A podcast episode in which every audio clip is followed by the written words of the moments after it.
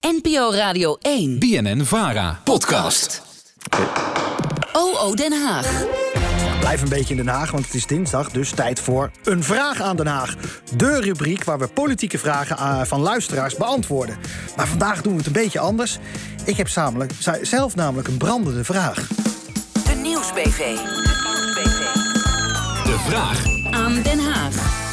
Een paar weken geleden las ik de column van Petra de Koning in NRC over het rokershok in de Tweede Kamer. Volgens haar de plek waar Kamerleden van verschillende partijen nog wel nader tot elkaar komen. In tegenstelling eh, tot de rest van het gebouw. Ja, de vraag was dus: klopt dat? Ik wil dat gewoon weten. En maken uh, die gezellige onderrondjes, de samenwerking tussen partijen, nou ook echt beter. Dus ik heb onze eigen politieke redacteur Sandrine Teloze uh, op onderzoek gestuurd. En jawel, het onderzoek is afgerond. Ze is hier, Sandrine, neem ons eens even mee. Petra de Koning die beschrijft dus in haar column dat de Tweede Kamer er heel anders uh, uitziet dan het oude Binnenhof. Nou, het wordt verbouwd, maar wat zijn de consequenties? Ja, dus nou ja, wat je zegt, hè, dat, dat oude Binnenhof dat, dat wordt verbouwd. En dat was een oud gebouw wat eigenlijk een beetje in een rondje liep. Dus dus de, de Kamerleden die kwamen elkaar daar de hele dag tegen. En nu in dat, dat tijdelijke gebouw van de Tweede Kamer, dus het oude ministerie van Buitenlandse Zaken, zit een stukje verderop in Den Haag. En eigenlijk is het daar zo dat de liften vormen het midden van het gebouw. En vanaf daar kan je gangen inlopen, maar die lopen dood. En die gangen zijn vaak, er zit één, soms twee fracties. En uh, de klacht is eigenlijk dat, dat Kamerleden elkaar van andere partijen dus niet zo vaak meer tegenkomen. En uh, een van de mensen die dat in ieder geval ook vindt, is SGP-voorlichter Menno de Bruyne. Uh, hij loopt al heel lang rond in Den Haag. Hij is een beetje de binnenhofkenner. Uh, en ik vroeg hem daarnaar. Nou, ik heb dat even gevraagd ook aan een van onze Kamerleden, de Nestor van de Tweede Kamer, Kees van der Staaij. Die zei: Ja, ik merk wel inderdaad dat die toevallige ontmoetingen die in het verleden had, waarbij je nog eens even met elkaar uh, een pootje stond te praten of in op een bankje ging zitten of op een stoel die daar toevallig in de buurt stond, uh, dat mist hij toch wel. Ja, dat gemis aan die plekken uh, en die toevallige ontmoetingen, dat, dat bleef breed, ja. Ja, dat is toch ook ergens wel zonde? Ja, ja, want je kan je voorstellen, ik denk dat dat voor, voor heel veel organisaties geldt. Bij het koffiezetapparaat, daar ontstaan leuke gesprekken. Daar ontstaat daar, van alles. He, daar, daar heb je het nog eens ergens over. En uh, daar, dat is goed voor de sfeer. Lijkt me in Politiek Den Haag ook niet onbelangrijk dat daar wat aangedaan wordt. dus ja, van veel Kamerleden hoor je ook wel van dat die, die samenwerkingen ja, die ontstonden daar. En dat is nu toch, ja, toch echt wat minder. Ja, dat merk je dan ook in de debatten. Tenminste, daar ging die column van Petra de Koning ook over. Hè? Ja, klopt. Zij beschreef dus die rokershoek. Het is niet echt een hok. Het zit buiten bij, bij de ingang van de, van de Tweede Kamer nu. En dat dat nog een van de weinige plekken is waar je van die informele ontmoetingen uh, hebt. Nou, dat wilde ik natuurlijk ook wel eens zien. Uh, dus ik mocht mee met Faisal Boulakjar van D66. Ik zocht hem op op zijn werkkamer en we liepen samen naar beneden. Ja, gaan we? Oh, wel mijn telefoon, anders kom ik. Uh, nou, toch een stuk of uh, tien keer. Tien keer per dag? Ja, ja, ja. maar om uh, de stappenteller hoog te houden. En zo kom je nog iemand tegen. Ah, dag meneer Paternotte. Hallo. Oh, Nieuwsbv, ja natuurlijk. Ja. ja. Ja, mijn favoriete programma. Nou, we staan hier bij de liften.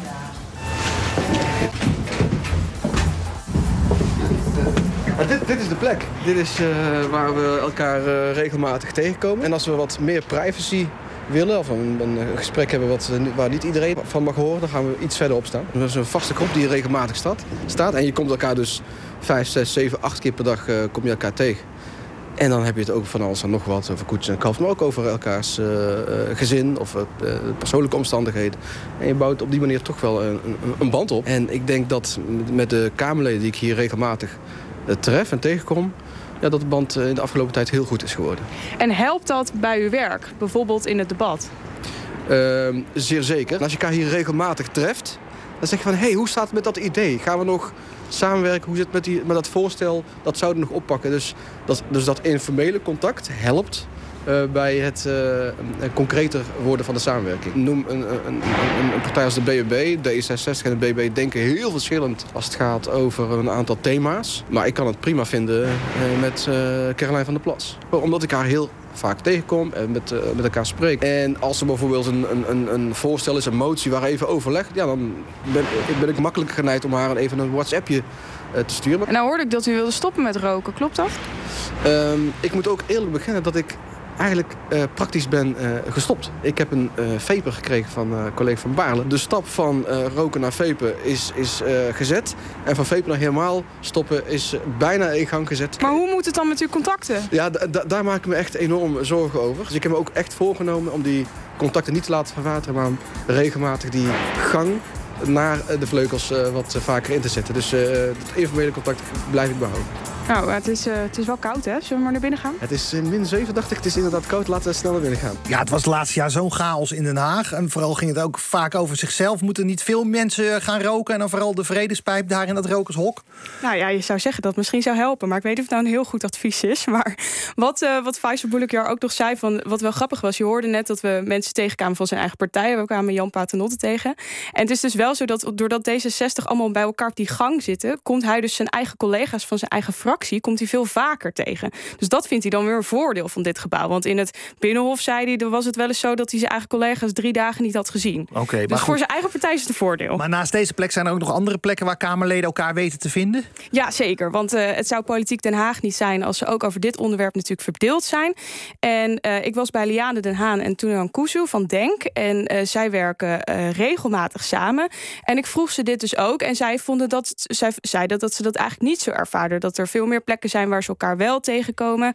En uh, dat ze ook zeiden van ja, maar je moet er ook een beetje naar op zoek gaan. Hè? Je moet niet ook alleen maar in je eigen hokje blijven zitten. Dus ik heb ze gevraagd hoe zij hun samenwerking doen. Wij vinden elkaar gewoon heel gezellig. We zitten ook bij elkaar in de plenaire zaal. En eigenlijk al vanaf het allereerste begin hebben wij ook wel goed contact met elkaar. En dan ga je ook eens met elkaar kijken van, goh, kunnen we wat samen doen? We denken eigenlijk over de meeste dingen hetzelfde.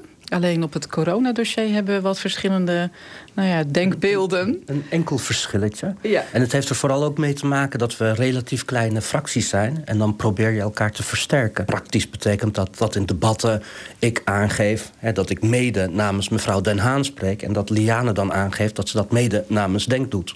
Kijk, dat is toch heel leuk. Achter op die bankjes kan je ook hele leuke contacten opdoen. Ja, precies. En uh, ze zeggen allebei dat het dus echt helpt in die samenwerking. Uh, nou ja, en wat ze ook wel heel belangrijk vinden... is dat het die po dat politieke werk dat ook gewoon echt leuker maakt. Luister maar. Maar als we dus kijken, um, beter samenwerken als je elkaar vaker tegenkomt. Werkt dat?